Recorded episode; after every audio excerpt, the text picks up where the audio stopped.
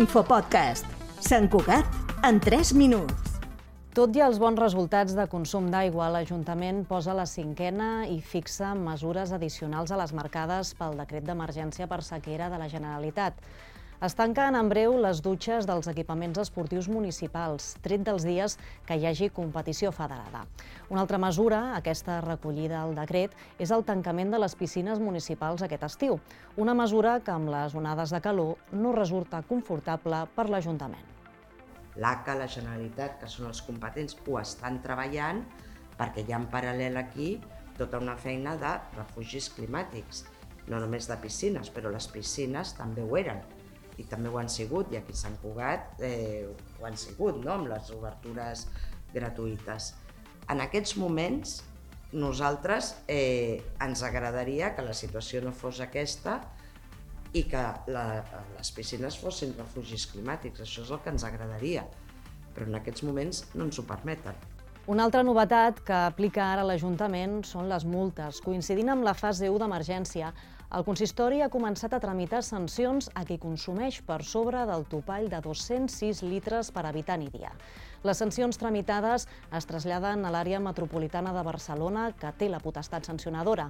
Les multes poden anar, atenció, dels 750 euros per infraccions lleus als 3.000 euros per infraccions molt greus. Malauradament hem de parlar de sancions quan es faci un mal ús de l'aigua nosaltres no, crec que ningú vol posar sancions. El que volem és no quedar-nos sense aigua. I si s'ha d'arribar a fer tot el procés sancionador, es farà. I nosaltres farem la funció que ens toca. Però és que no hi ha aigua, repeteixo, i, i ho torno a dir, no hi ha aigua. I llavors l'important crec que és evidentment saber que hi ha una mesura coercitiva, molt bé, però és que l'important és que no tenim aigua. I a banda de les onades de calor a l'estiu, tothom molt pendent dels incendis. Sobretot l'Ajuntament, que no perd de vista una eventual reducció de la pressió de l'aigua en plena campanya de prevenció de focs. Els incendis es podran seguir apagant.